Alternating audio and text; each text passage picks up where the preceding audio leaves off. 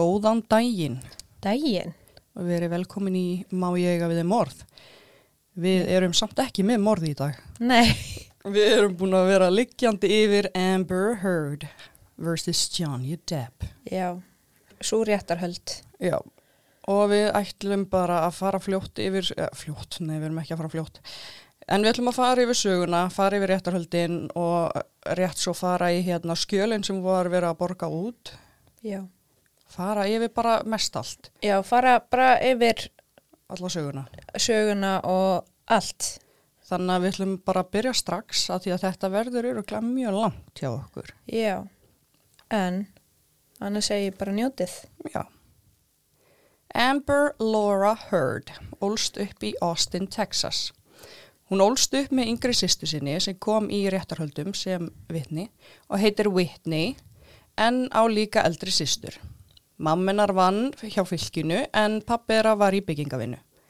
Hann tamdi líka hesta og hún hjálpaði honum við það. Hann að langa alltaf að gera eitthvað við lífsitt, eitthvað annað en það sem Texas hafði upp á að bjóða. Hann að langa að komast út úr Austin og sjá hlutina og upplifa lífið. Já, hún fekk skólastyrk frá fínum skóla sem að var hinum einn í bænum og hún talar um að þetta hafi verið uh, ríkari parturinn af bænum. Þau voru sér satt smillistjættafólk og svo var svona efri stjætt hinum einn í bænum og skólanir voru þar. Já. En hún gekk í mjög fínan skóla og fekk góðar einhvernir. Henni þótti mjög gaman að vinna með fólki sem hún var sjálfbóðaliði á alls konar stöðum. Hún vann í Soup Kitchen eða súpueldúsi. Aftur þetta. Já, já, eins og hérna, Henry Lee og Já, Hún vann líka með börnum, hún kann tákmál og vann þá með heyrnalusum börnum. Hún gerði svona hluti og hefur alltaf lagt mikið upp úr því að gefa tilbaka. Til dæmis með skilnar peningunum frá Johnny Depp. Svo þegar hún gæti tekið GED og SATs þá gerði hún það og yfirgaf skólan.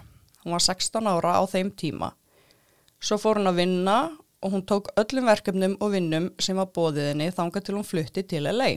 og mér skilst sko að hún hafi líka farið í einhvern community college og borga, nei hérna og uh, tekið hinn á þennan tíma. Já, næs. Hún var búin að vera að leika lítil hlutverk í Austin en ákvað að fara til LA og spreita sig þar. Hún tók strætó út um alla borgina til að fara í áhörundapröfur og var mikið að harka. Hún fekk alltaf annarkvort lítil hlutverk í stórri mynd eða stór hlutverk í lítilli mynd sem enginn fór að sjá. Þanga til hún mætti áhörundapröfu í The Rum Diary. Og þá ætlum við að tala um Johnny Depp aðeins. En hann segir frá badnæskunni sinni í réttarhöldunum. Hann ólst upp í Kentucky en er ekki með hreim vegna þess að hann er með foreign, for, foreign accent syndrome. Sem er hvað? Þá bara missir hann hreimin sinn Já, já. og er bara með svona bland af öllu. Já. Þú hefur tekið eftir að hann er ekki með svona Kentucky hreim. Heldur hann er hann meira með svona breskan hreim. Já. Ég held að það hafi bara komið eftir að hann byrjaði að leika. En þetta er eitthvað syndrom sem hann er með. Foreign, for, oh, getur þú sagt þetta? Foreign Accent Syndrome. Takk fyrir. Badnæskan hans var mjög sorgleg. Það var mjög erfitt að leysa um hana. Mámans var mjög óbeldisfull, gagvart börnunum og manninu sínum. Hún beitiði andliðu og líkamlu óbeldi. Börnin voru hrætt við hana og þegar hún lappaði framhjá þá fóruð alltaf í svona varnastöðu, svona settu hendunar upp. Mm Því að þau vissu aldrei hvernig höggin, höggin kæmu. Hún kallaði þau ljótum nöfnum og var bara búljin á heimilinu. Til dæmis kallaði hún bróður hans Buckteeth og Four Eyes að því hann var með gleru og eitthvað svona, mann ekki hvað hann sagði en það var eitthvað með tennunar hans. Svo hétt amma þeirra Violet og hún hataði Violet. Já, það var pappa megin. Var þetta ekki mamma Jú. pappans? mamma pappans og hún þoldi hann ekki. Þannig hún kallaði systir hans, Christy, Violet, þegar hún var reið við hana. Mm Vist, kallaði hennar, come here Violet. Hann talar um að andlega ábeldið var mun verra en það líkamlega. Pappin gerði ekkert í ábeldinu vegna þess að Betty Sue, mamman, stjórnaði heimilinu og beitti hann ábeldi líka. Þannig hún let hann stundum refsa börnunum með því að sláði með belti og hann gerði það bara. Og Johnny sagði að hérna, he was under the mercy of Betty Sue. Hann gerði bara allt sem að hún gerði að því annars fekk hann ofbeldi líka. Mhm. En fyrir utan það þá snert hann ekki krakkana og Johnny talar mjög fallega um hann í réttarhöldunum. En þegar Johnny var 15 ára þá fór pappans í vinnuna og sneri aldrei aftur heim. Betty Sue var mjög þunglind og Johnny lappaði af henni einn daginn þegar hún hafði tekið fullt af töflum og var að reyna að fremja sjálfsvík. Sjúkrabíl kom í tæka tíð, svo hún jafnaði sig. En hann ætlaði að vera tónlistamaður en vantaði pening svo hann hitti umbóðsmann sem að retta hann hlutverkinu Nightmare on Elm Street. Hann fekk vel borgað og þegar hann landaði hlutverkinu 21 Jump Street þá áttaði hann sig á því að hann myndi bara ekki snúa aftur í tónlistina og fór þá bara í leiklist af fullum krafti. Varðandi eiturlifjaneislunans sem var mjög stór partur af réttarhöldunum þá byrja hann að taka töflur sem að mammans átti þegar hann var 11 ára sem hann kallaði nerve pills Mhm. og reykja marihuana og, til að díla við aðstæðuna sem hann var í. Þegar hann var 15 ára þá var hann búinn að prófa öll eiturlif sem hann vissi um og hann var mjög opinn með það. En þegar hann var yngri eða svona young adult og vitni sagði þetta líka um hann en hann var ekki mikið fyrir eiturlif og hafði ekki áhuga á að neyta þeirra. En hann hafði samt prófa allt en hafði engan áhuga á þessu reykti stundum gras, þú veist, en varðla samt. Því að hann var á því að eitulif taka vandamálin ekki burt en senkar þeim bara, sem að mér finnst mjög góð setning. Þú veist, hann sagði þetta í einhver viðtali. Algjörlega. Amber Heard og Johnny Depp kynntust þegar hún mætti áhörundapröfu í The Rum Diary árið 2009. Hann átti að sjá hvort Amber væri nógu góð í hlutverkið og lesa með henni línur. Hún er þótti það ekki góð hugmynd því hann vissi að það væri meira stress að leika með honum heldur en að hitta leikstjóra og lesa fyrir hann línur. Hann ákvaði hitt hana og sjá viðmótið hennar og talaði um myndina við hana og kanna hvort hún passaði fyrir hlutverkið. Hann sá hana og hugsaði she is it. Hún er leikonan sem reytuundurinn hefði viljað að láti leika Chenault. Johnny Depp leik Paul sem var bladamæður sem byrjar í ástarsambandi með Chenault sem var karakter sem Amber Heard leik. Amber var með þáverandi kærustu sinni Tasha Van Ree og hafði tekið eftirnafni hennar og þær voru giftar, eða þú veist, inn í gæsalöpum af því að samkynneið hjónabönd voru ólögleg í bandaríkjónum á þessum tíma. Pældi því í 2009. Já, alveg fárlegt sko. Ræðilegt, sko. Þær höfðu verið saman frá árinu 2008. Uh, Johnny Depp var með Vanessa Paradis og hafði verið með henni frá 1998. Þau eignuðu saman Lily Rose Depp og Jack Depp. Myndin kom út 2011 og þá voru þau bæði hægt með mögunum sínum en það var ekki orðið ofinbært. Þau byrjuðu að hittast árið 2011, segja þau bæði, þegar þau voru að kynna myndina The Rum Diaries. Þá byrjuðu þau eitthvað svona leini samband en 2012 þá varð sambandið þeirra ofinbært. En allavega það kviknuðu neistar hjá parinu á setti og Amber sæði frá því í réttarhöldum að þau hafi farið lostarfullan sleik í myndinni sem er eitthvað sem að leikarar gera vanlega ekki.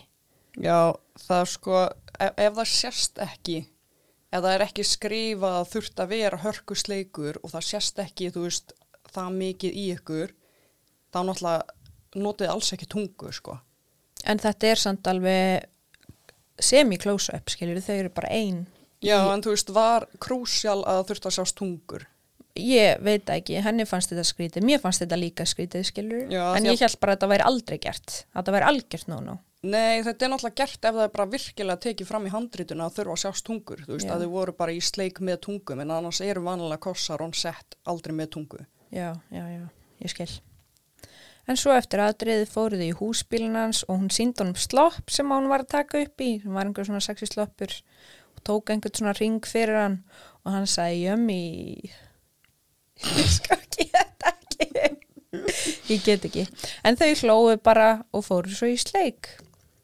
Þau töluðu bæði um þannan koss í myndinni sem byrjun á sambandinu þeirra En það er nefnilega líka skrítið að því að myndin kemur út 2011. já, þau, sko, þau töluðu ekki saman í tvö ár Já, eftir að tökur kláruðust já, já, ok. svo hittust þau hvað eitthvað 2011 Já, þegar myndin kom út. Já, og fara á svona uh, press tour, eða er að kynna Mhm. myndina og þá kveiknar í neistónum aftur hjá þeim og þau segjast bæði hafa verið hætt með sínum ögum Mm en það var samt ekki orðið ópenbært. Já, Uh, þau áttu vel saman í byrjun, Depp sæði að hún væri dásamleg en eftir ár, svona ár og eða eitt og hálft ár, fóru hlutinir að breytast.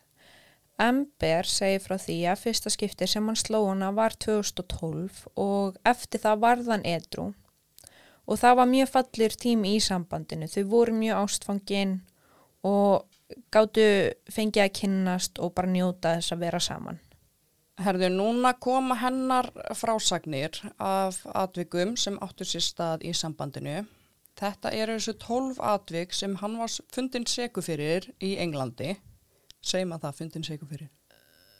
Nei, af því að hann fór ekki á svona, veist, var ekki í, þetta var ekki criminal trial. Þannig að þetta var, uh, þetta voru frekar, uh, þau náða að sanna að þessi atvik gerðust í raun og veru og þau máttu tala um þau ofinberlega. En hún samt talar um í réttarhöldunum að þetta var miklu oftar. Mm Þú veist, þetta var bara konstant, skilur, en þetta eru bara 14 atvik sem hún er með einhverja sannanir fyrir -hmm. sem hún tók upp eitthvað eða tók myndir af eða það eru skilaboð um. Já. Þetta var mjög intens samband og var þannig frá byrjun. Amber fann fyrir svo miklum neistum og fyririldum. Hún sagði að það væri ekki til ást eins og þeirra. Hann byrjaði að drekka og hún spáði lítið í því en svo fór hún að taka eftir breytingum. Hann fór að tala um það hvernig hún klætti sig og um vinnuna hennar á niðrandi hátt. Að hún væri whoring herself out eins og aðra leikonur í bransanum. Hann talaði um klæðnaðin hennar á þann hátt eins og hún væri að vera einhver hóra og það myndi enginn takinni alvarlega. Hann kallaði hann líka alltaf kid. sem að mér finnst mjög skrítið alltaf kid Já, já, það er eitthvað svona því að hann er eldri og hún er yngri. Sér svona- hana bara svona horfið niður til hennar Já, þetta er svona eitthvað power Já. dót, sko. Hann fór að henda hlutum og brjóta hluti í návistennar. Svo var þetta ringrás þar sem hann let sig hverfa og hætti að drekka og mætti svo aftur til hennar edru og var indislegu við hana og varð aftur maðurinn sem hún fjall fyrir. Fyrsta skiptið sem að sló hana var út af Vænúna Rætir tattúinu. Amber sagði að það hefði verið fyrst 2013 en svo breytt hún því og sagði að hefði gæst 2012. En þetta var þannig að þau sátu og voru að fá sér uh, í glas og voru að spjalla. Hann var að fá sér síkó og hún spurði út í tattúið sem hann væri með á handlegg, handlegnum og hvað stæði á því. Þá sagði hann Vænó hún fór að hlæja því að hún, hún sá ekki alveg, henni fannst þetta eitthvað blurri og ég sé mynda af tattúin og það er alveg fleka blurri. Hann fekk sér tattúið 8, 10, 9 eða 90, ég veit ekki alveg, það er ekki alveg skýrt. Þegar hann bað hana 17 ára við Nóna Ræter að giftast sér.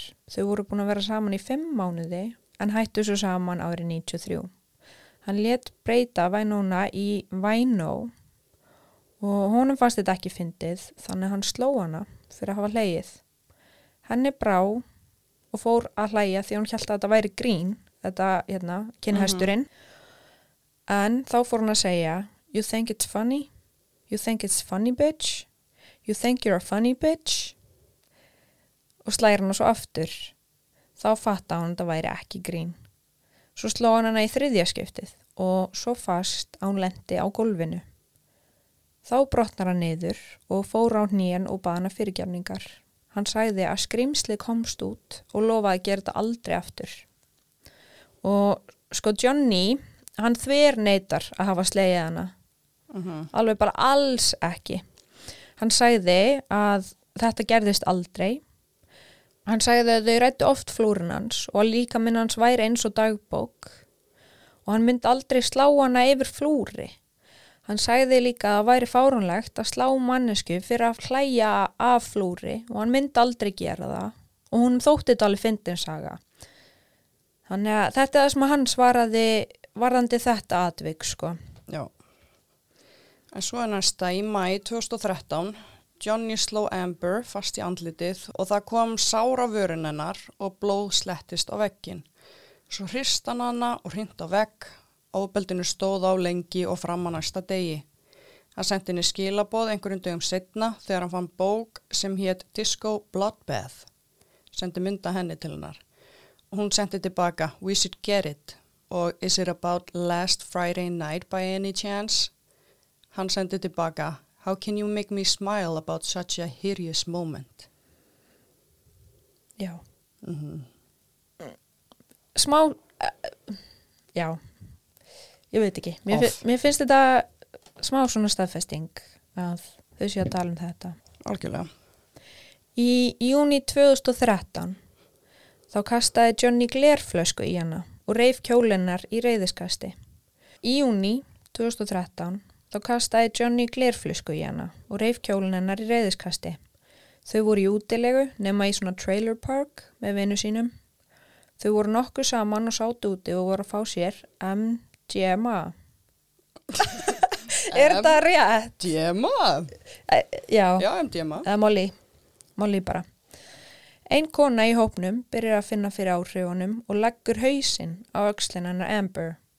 Johnny stekkur upp og verður að skamma konuna fyrir að vera snerta og hann segir alltaf My girl, you're touching my girl og grýpur í hendin hennar og ég veit ekki, tekur eitthvað svona skrýt mómenta sem hann heldur í hendin hennar og segir eitthvað svona, veistu hvað er auðvitað að brjóta, þessa hendi? Hva, heldur, hvað, hvað heldur að þurfa mikið þrýsting? Eitthvað svona, eins og í myndunum Mm og konan fer bara að gráta þannig að þau strunsa í burtu í, að því að Amber var mjög ósátt með þetta var, henni fannst ekkert verið í gangi. Hún var bara farin að fá einhver svona áhrif og þú Það bara á. var ekkert í gangi. nei og, hérna, og ég vil kannski að því að við vorum ekki búin að taka það fram að hann var alltaf að ásaka Amber eða hún segir frá því í réttarhaldunum að hann var alltaf að ásaka sig að vera að halda fram hjá sér með hinum og þessum. Mm og mörg rifrildi sem að hérna spruttu upp í slagsmál voru að því að honum grunnað að hún væri að halda fram hjá sér. En hann hérna sleppur hendin hennar og konum fer að gráta og þau strunsa saman inn í fellísið og fara að rífast. Og hún segir í réttahöldunum þetta. Hann fer að grípa í brjósti mín snerta læri mín rífa nærbuksunum mínar og ætlar að fara að fræmkama enda þarm skoðun eða cavity search. Því að hann var að leita af eiturlöfjunum sínum, kókinu sínu. Í réttarhöldunum þá viðkennir hann að hafa brotið vegljós. Og einnig bar vittni, vittni, einnig segir vittni frá því að hafa heyrt í öskrum hennar Amber og fellísi var í rúst daginn eftir. Og sko þetta sama kvöld þá sendir hann á Paul Bettany, ég kann ekki að segja þetta. Einhvern hérna gamlan vinsinn. Já, og þeir voru alltaf kallaðir drug buddies. Mm. Hann sendir á hann, let's burn Amber, og svo svarar Paul, having thought it through, I don't think we should burn Amber. Og þá svarar Johnny, let's drown her before we burn her. I will fuck her burnt corpse afterwards to make sure she's dead. Og hann sagði í réttarhöldunum, þú veist, hann er alltaf með afsakanir fyrir öllu. Mm og hérna já, hann segir að uh, hann væri með mjög svartan húmor og líka að hann hafi farið á hvað myrkra staði eða svona á djúpa staði eða dark places Hann er sem sagt þarna að segja að hann vilji drekkinni og ætla að ríða líkinu hennar til þess að vera vissum að hún sé dáin. Í september 2013 trúlofaði sig. Pari var að gista hótel í London, sama herbyggi og þau sváfu fyrst saman í þegar þau voru á presstor fyrir myndina sína, þannig að þetta var mjög special moment fyrir þau. Hann fór niður á hnén og sagði I want you to be my girl, be my girl forever, my woman, my girl. I want you to be the rest of my life. Say yes to me. Og hún var í skíjónum og þetta var mjög róma og Amber hafði miklar vonir fyrir þau. Svo í mæ 2014 þá gerist The Boston Plane Incident. Amber langaði að taka sér verkefni með James Franco. Hann var mjög viðkvæmt umræðefni millir þeirra. Hann var alltaf ásakana að vera að halda framhjá sér með James Franco nefnilega. Hann fyrir að tala um hvað hann er mikið embarrassment og þetta er uh, þegar þau eru komin í flugvél og eru á leiðinni saman til LA frá Boston. En já, hann fyrir að tala um hvað hann er mikið embarrassment og go-getter og kalla hann að ljóta um nöfnum. Hann var þá búin að vera að fá sér áfengi og eitulif. Hún byrjar að færa sér til í flugvélinni en hann elda hann alltaf og settist á mótinni og hjælt áfram. Svo sló hann hana í andlitið og það satt sko einhver annar hjá þeim og sá það. Uh Sem að hún vil ekki nefna á, eða mátt ekki nefna, en ég giska að það sé hljóðmaðurinn sko. Hún horfði á Johnny og sá bara The Monster umtalaða, en enginn gerði neitt. Það voru alveg nokkrir í flugvélina á þessum tíma sem að sá, sá þetta. Svo fór hann inn á klósett og fór að góla eins og úlfur og dó áfengistöða þar. Og hérna er upptaka af því.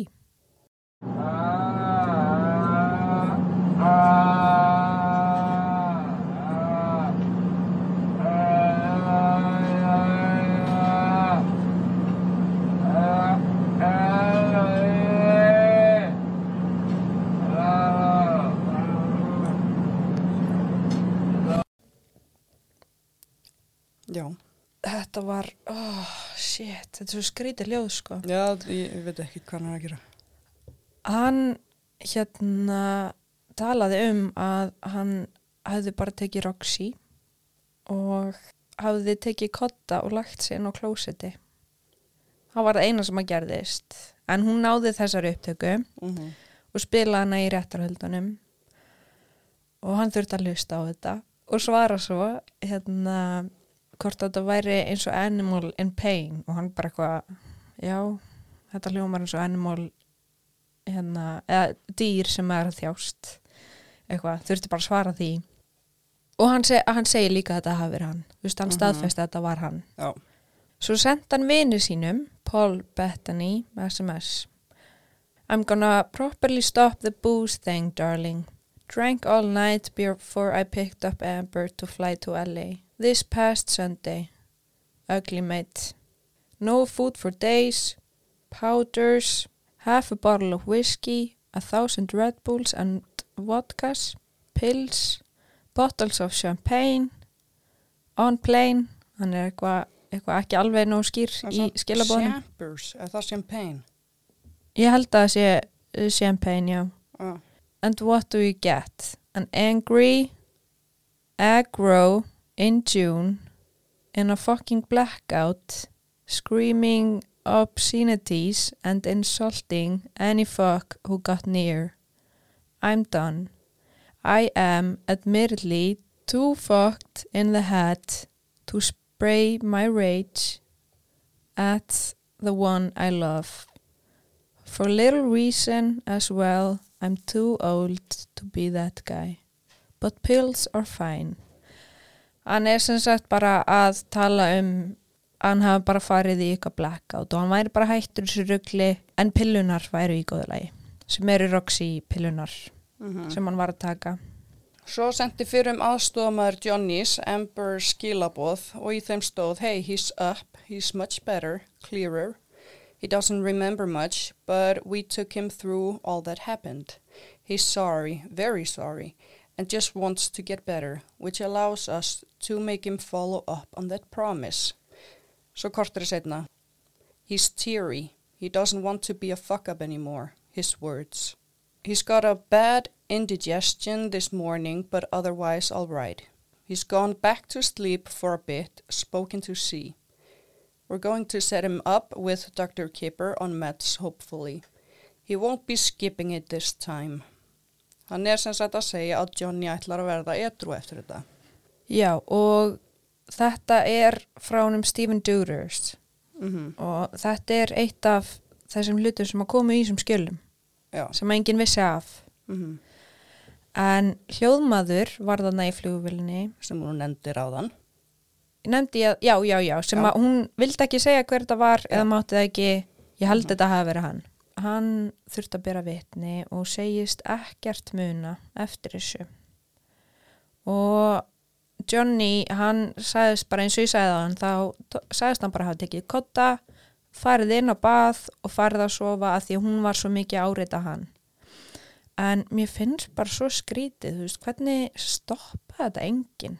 Mm það var hellingur af fólki þannig bara security uh, samstarfsmenn þú veist það var enginn að koma inn að stoppa þetta. -hmm. mér finnst það svo skrítið. Hún þurfti bara einhvern veginn að standa í þessu þú veist og þegar hann slæra hana Mm enginn gerir neitt, það er bara all hljóð einhvern veginn. Sparka hann ekki hana. jú, myndi það, ég, vá, myndi sparkaði hana Og hún, og hann sagði bara hún vildi rífast og var alltaf að poti hann og hún var að koma og byrja rifrildin og eitthvað. Já, hann tala um það í réttarhöldunum að hann að var hann þreytur á henni þannig að hann hérna, fór on the nod Mm -hmm. sem að örgulega flestir hafa heyrt þú veist, það var eitt af þessum hlutum í réttarhöldunum sem að komst svolítið vel út Já. sem að þau voru svolítið mikið að pusha hann var ekki að taka eiturlif hann var bara að taka í þessar- þessar roxytöflur og hann, þetta var rosalega peaceful. Hann fór bara on the nod sem að var bara basically að fara að sofa.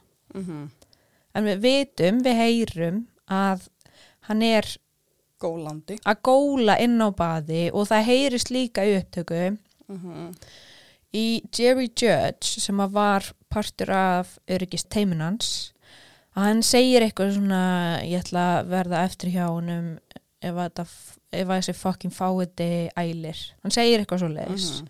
þannig að um, það sem ég held að er í gangi þarna og bara í gegnum allt sambandið er bara að það þóri enginn að segja neitt við hann. Mm hann er the boss. Veist, Já. hann stjórnar, þau eru að vinna fyrir hann þannig að þau ætla ekki að fara að skamma hann fyrir að vera með einhverja skandala.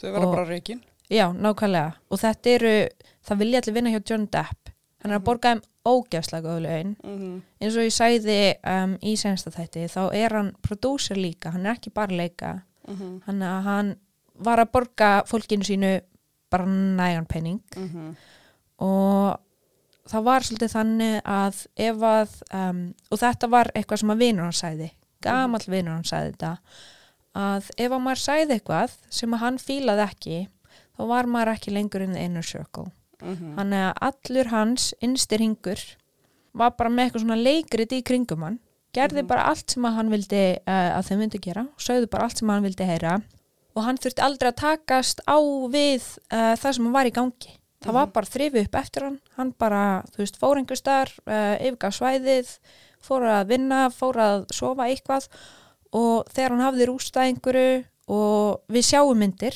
þar sem að er Mhm. búið að rústa uh, hinum á þessum stöðum.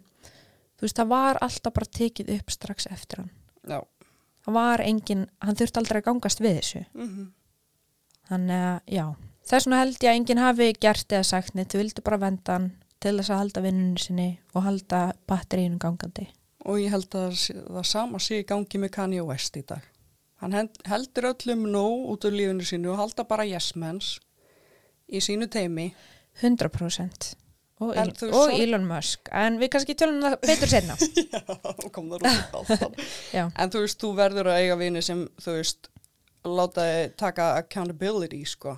Það er mjög 100% dýrmætt. að, að því að annars bara annars fattar ekkert hvað er í gangi ég held að hann, vandamáli með þetta mál að hann bara þurfti ekki gangast við þessum hlutum þannig að hann bara veit í rauninni ekkert hvað var í gangi Já, ég held að hann viti það samt líka. jújú, jú, hann veit örgulega 100% þetta gerðist en hann man ekki eftir þessu og fólkið er að er meðan í bómull Mhm. bara, nei þetta er allt í lagi þetta, veist, þetta var ekkert svo slæmt og bara, þú veist, hún er bara eitthvað svona já, já, þannig, já, þú verður bara brenglaður í höstnum að þessu.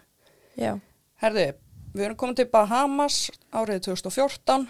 Johnny fór í detoxferð til Bahamas og Amber fór með honum á samt öðru fólki sem var ráðið til þess að hjálpa honum að díla við frákverfisengininn.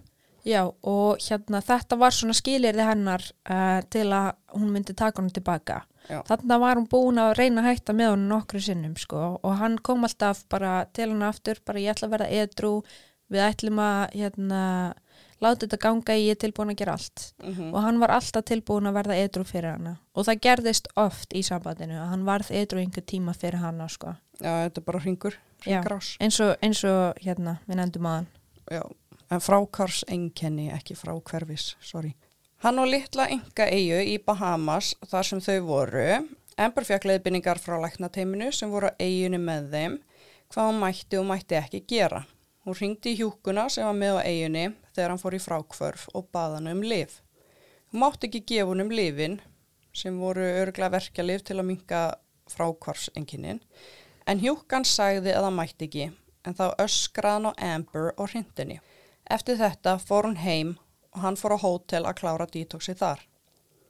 Hann sendi henni skilaboð eftir þetta sem stóði Thank you for getting me fucking clean baby og að mömmunar þar sem hann hrósar Amber fyrir að take care of this old junkie og hvað hann væri mikil hetja. Já, og hérna eitt bara um, sem ég langaði að hendi inn um, hann átti rosalega gott samband við mömmun og pappan veist, Mhm. þau alveg gjör, hann náði að hylla þau alveg upp Já, pappi hennar, hann hafði átt vandamál að stríða við eiturlif líka þannig að þeir tengdu rosalega og átti sitt eigi samband við mömmun og pappan bara já. þannig að þau voru rosalega náinn Mm Amber sagði að andlegu veikindinn hans gerðu frákvarfinnar verri og hann hafi verið bara crazy.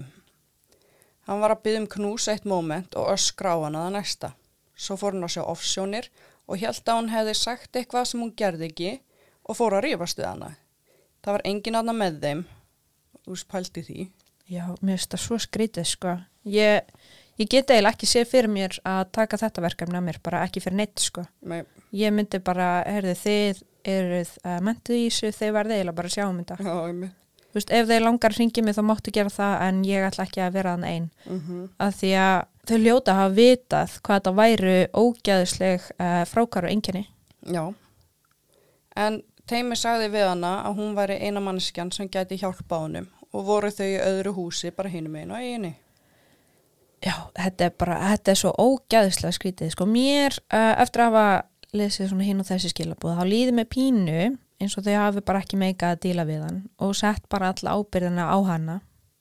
Því að það er svo rosalega skrítið að hún hafi verið þarna að sjá um hann og gefa honum lif, finnst Mhm. það mjög skrítið. En ég las líka á netinu að fólk talar um þetta sko og það talar um hvað var skrítið að hún þurfti að vera þarna og, þau, og að þau hefðu sagt við hann að hún væri eina mannskið sem að geti hjálpa honum. Mm Og Dr. Kipper hefur verið mjög gaggrindur fyrir sín vinnubröð. En hérna, horfður á þáttin, hérna, það sást einhverja klippur úr þættinum hjá Ossi Osbourne. Það sem hann var alveg bara út úr uh, á því. Nei, Ok, uh, þið getið kannski bara fara á YouTube og kíkta á þetta. En Ozzy Osbourne, eins og flesti vita, er bara með uh, superpower. Hann getur aldrei óvita á livjum. Þannig að hann hefur bara mest allt líf sitt verið í svaganeyslu og þegar hann ætlaði að fara að taka upp þættina þá ætlaði hann að hætta og hérna vera klín í þáttunum.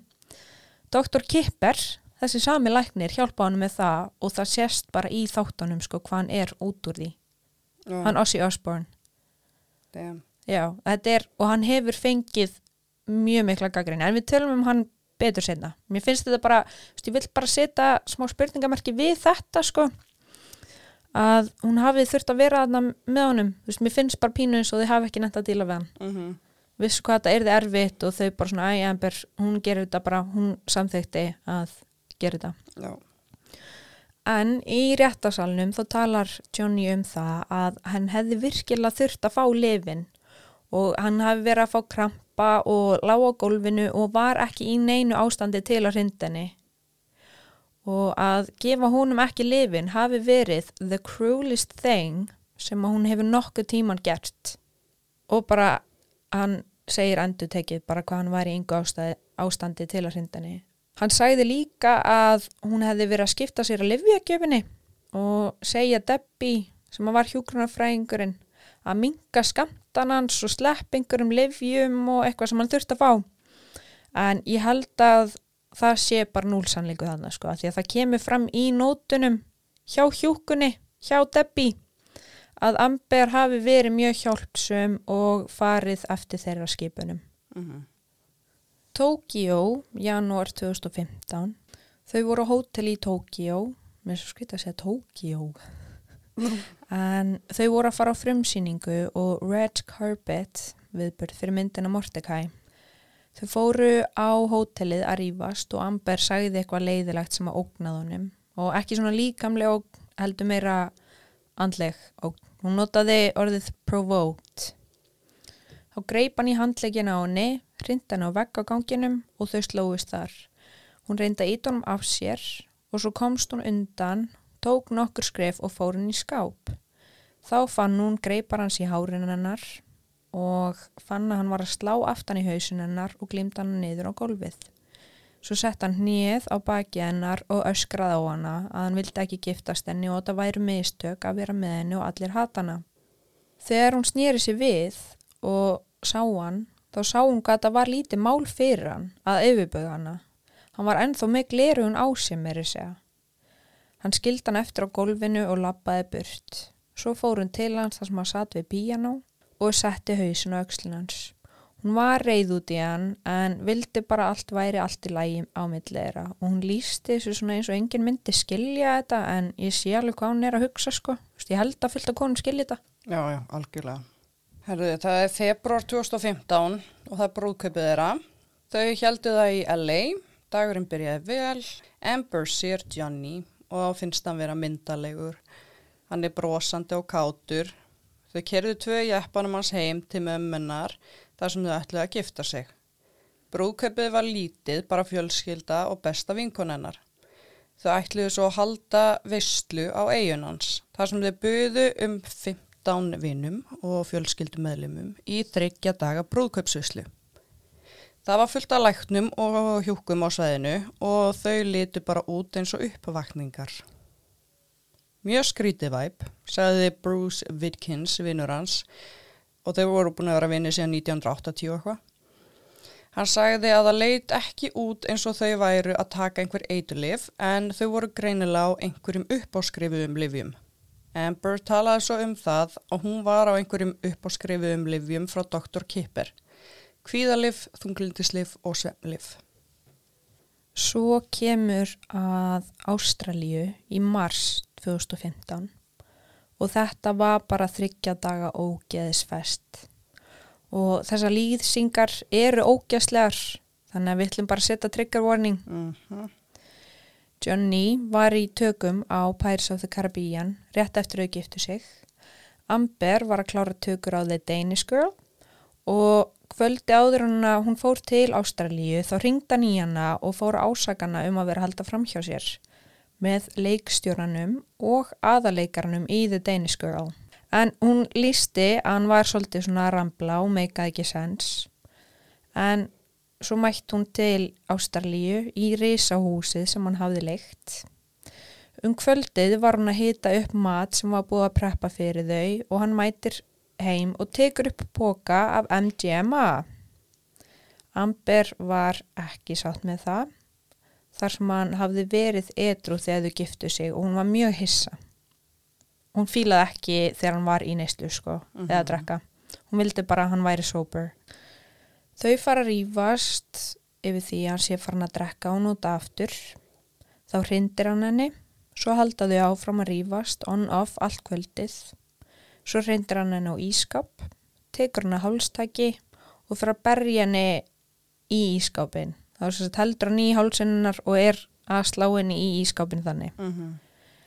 þá slæir hún hann í andlitið og öskrar á hann og hann öskrar á hanna svo strunsar hún burt fer upp, lokar hurðina eftir sér og svona, setur eitthvað fyrir hana svo hann getur ekki opnað og fer svo að sofa en daginn eftir þegar hún vaknar þá tók hún eftir því að hann væri ennþá vakandi Hún reyndi að fá hann til að borða og þá fór þau aftur að rífast.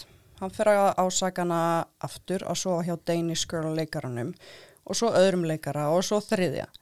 Allir sem hún hafði unni með. Svo heldur þau áfram að rífast út af MDMA-inu. Hann hafði þá á degi tvö tekið 8-10 pillur. Svo faraðu að rífast út af sambandinu hennar Amber við sýstir hans Johnny. Já, það var orðið sem sagt eitthvað kallt. En það hafði ekkert gerst á millegra, ég held bara sýstirni líka ekki við Amber. Uh Svo fyrir hann að ringja nokkuð símtöl. Hann ringdi í lögfræng sem Amber réði til að undirbúa postnup. Já, og það var hérna að því að þau vildi ekki fá sér prenup. Eða Johnny vildi það ekki og sýstirni fannst það skrítið. Þú veist, hún Mhm. setti smá spurningamerki við það og var að spyrja hana út í það á Bahamas. Já.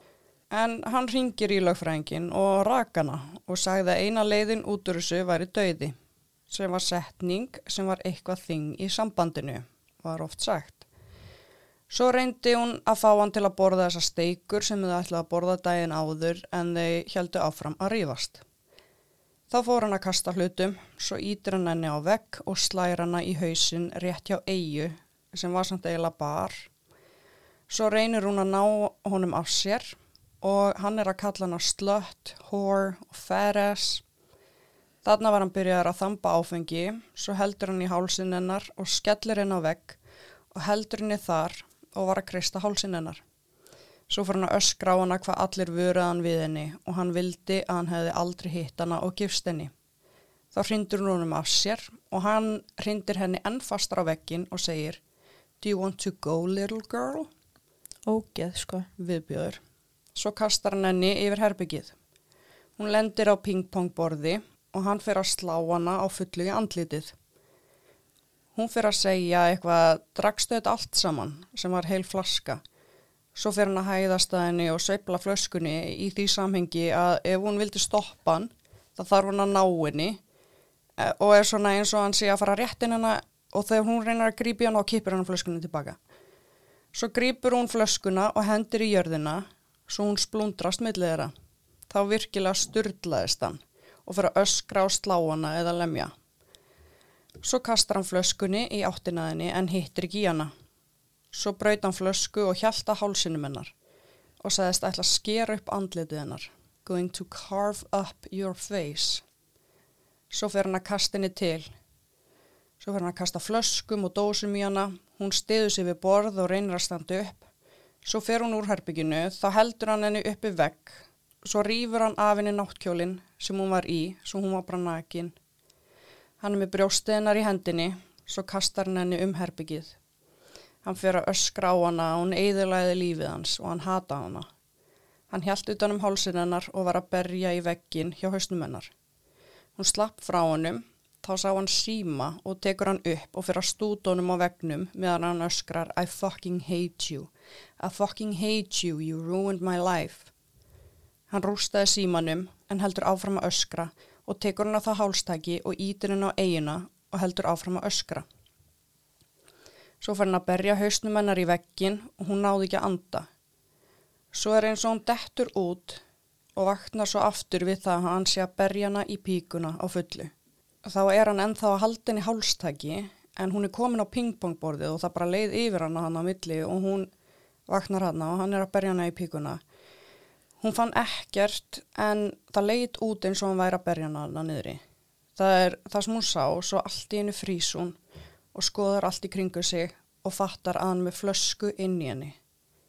Og hún reyndi bara að vera eins kyrr og hún gat því hún vissi ekki hvort flaskan var í brotin eða ekki. Hún fann ekkert nema bara þristing í píkubeininu. Svo fór hún inn á bað þegar það var allt búið og það var blóð út um allt og hún misti líka þvag. Svo tók hún septöflur og fór að sofa. Dæin eftir vakna hún. Hann var þá ennþá vakandi þriðja dæin í röð. Hann var að spila tónlist og þetta var sko Marilyn Manson. Mm, vinur hans. Já. Hún fer niður og sér brúna bletti út um allt sem að reyndi svo vera þurrir blóðdrópar. Svo lítur hún á speilin, þá sér hún að það eru skilaboð á speiklinu til hennar sem að voru skrifuð um, með blóðinu hans. Mm -hmm. Þess að notaði putta sinn til þess að skrifa sem að var allir út, út að það er í blóði. Og svo notaði hann líka málingu og túss og eitthvað. Já, svo kláraðist blóðið eða það þóttnaði á puttanum hans þannig að hann dýfði puttanum sínum til að halda áfram að skrifa allir sér skilabóð til hennar.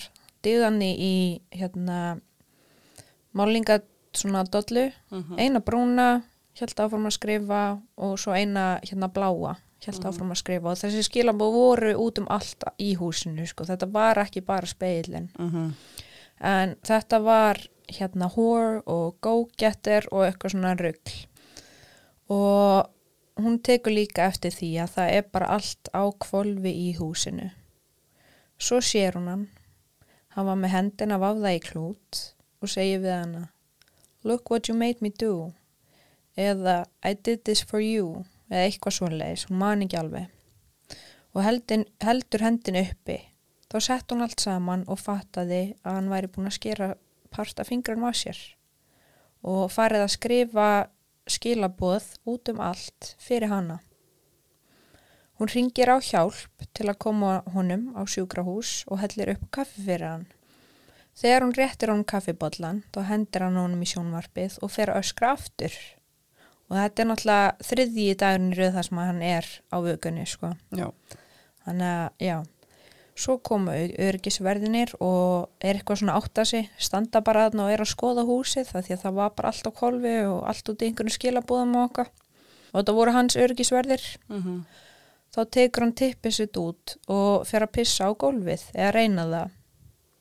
Svo kemur Debbie í hjúkan með einhver róndi lif til Amber, fer með hana upp í herbergi og hún fer að sofa. Hún vaknar og talar svo aðeins við Jerry Judge og tekur svo meiri lif og fer að sofa.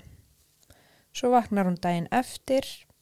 Hún tók saman fötið sín sem hún var ekki búin að mála á eða eðilegja og tók flug heim með Ben King og það var maður sem var sjá um húsið eða house managerin En viltu segja hver Jerry Judge var sem hún var að tala við?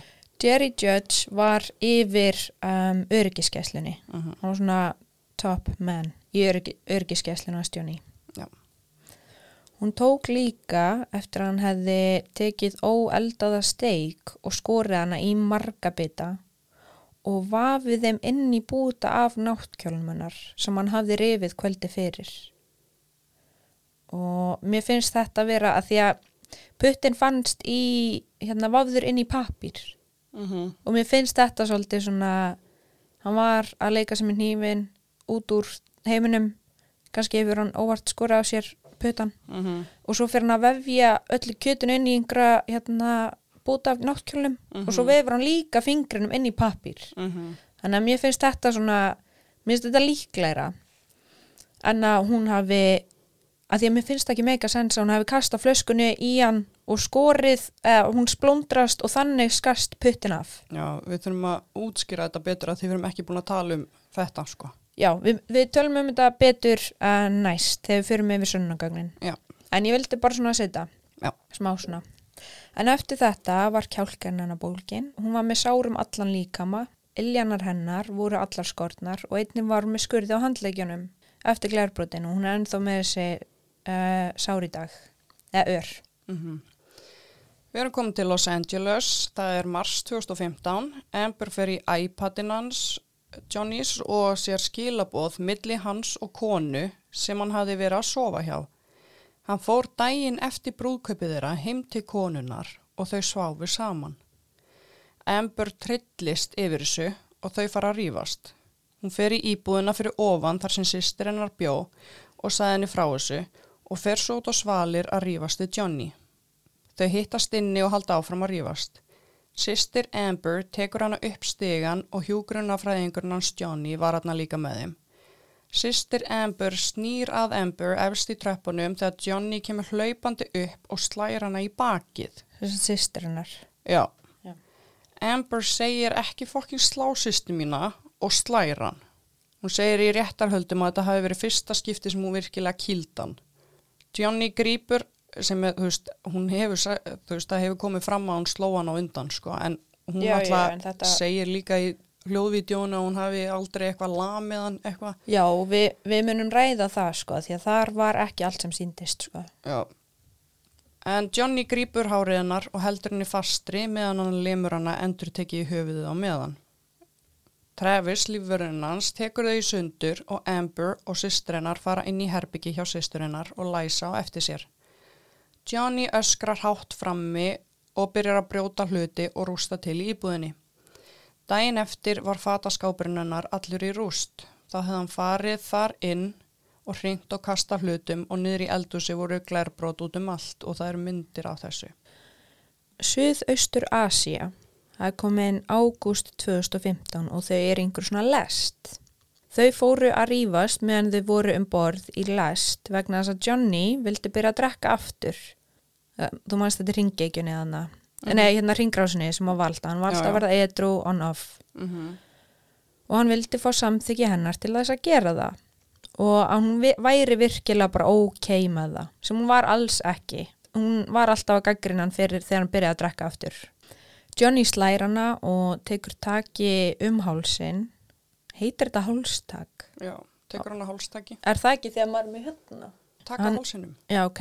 Johnny slær hana og tekur hana hálstæki. Hann ítir henni upp á vegg og reynir að kirkjana.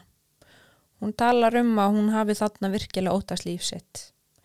Og svo vafðan ból utan um hálsin hennar og sló hann oft.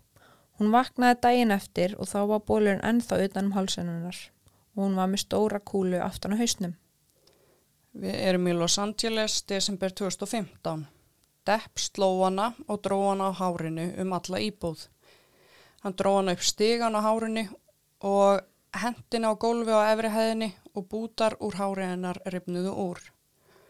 Hann sló hana oft þar til hún fjall í jörðina og skallaði hana í andlitið sem leiti til þess að hún fekk blóna sér og nefið hennar var bólkið. Þetta var eina skiptið í sambandinu þar sem hún sagði að líkamlegri sásökin var verri en andlegi. Hann viðurkendi að hann hafi skallað hana í réttarhöldum en hann segir að það hafi verið slis. Hann var að reyna að róa hana nýður. En hún segir að hann greip hana um hálsin, hrind henni í jörðina og barð hana í höfuðið. Hann greip í hárið hennar, sló hana utanundir og sagðist hata hana. Hann hjælt áfram að lemja hana aftan í höfuðið og þrýsti andlitun hennar ofan í dínu og reif meira hár úr höfðinnar. Meðan hún lág á maganum upp í rúmi, setur hann hnésett á bakið hennar og hinn fótinn á rúmgablinn. Hann heldur áfram að lemja hana aftan í höfuðið meðan hann öskrar á hana að hann fucking hata hana aftur og aftur. Og rúmgablinn brotnar við þetta og það eru til myndir af rúmgablinum. Svo erum við komin í april 2016.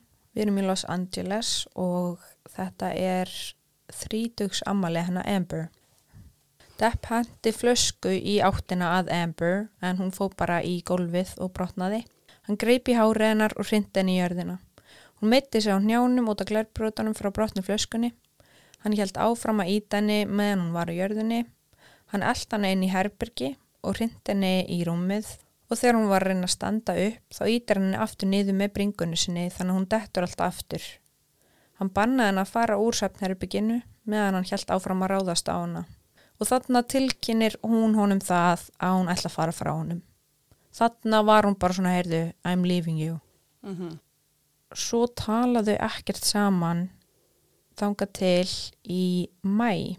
Já, það líður mánuður sem þau tala ekki saman. Já, og við erum í Los Angeles. Johnny reif síma af Amber og kastaði honum í hana og hitt hana í kinnina og augað. Hann reyðst á hana, reif í hárið hennar, sló hana og greip fast í andlitið hennar. Hann sló hana, hristi og kastaði henni um herbyggið meðan hún öskraði. Í sama mánuði, mæ 2016, sækir Amber umskilnað og fjórum dögum setna sækir hún um nálgunabann. Ári eftir að Amber sóttu um skilnaðin var hann frágengin, eða hvernig sem var orða það, og fekk hún 7 miljónir dollara sem hún ætlaði að gefa til góðgerðamála.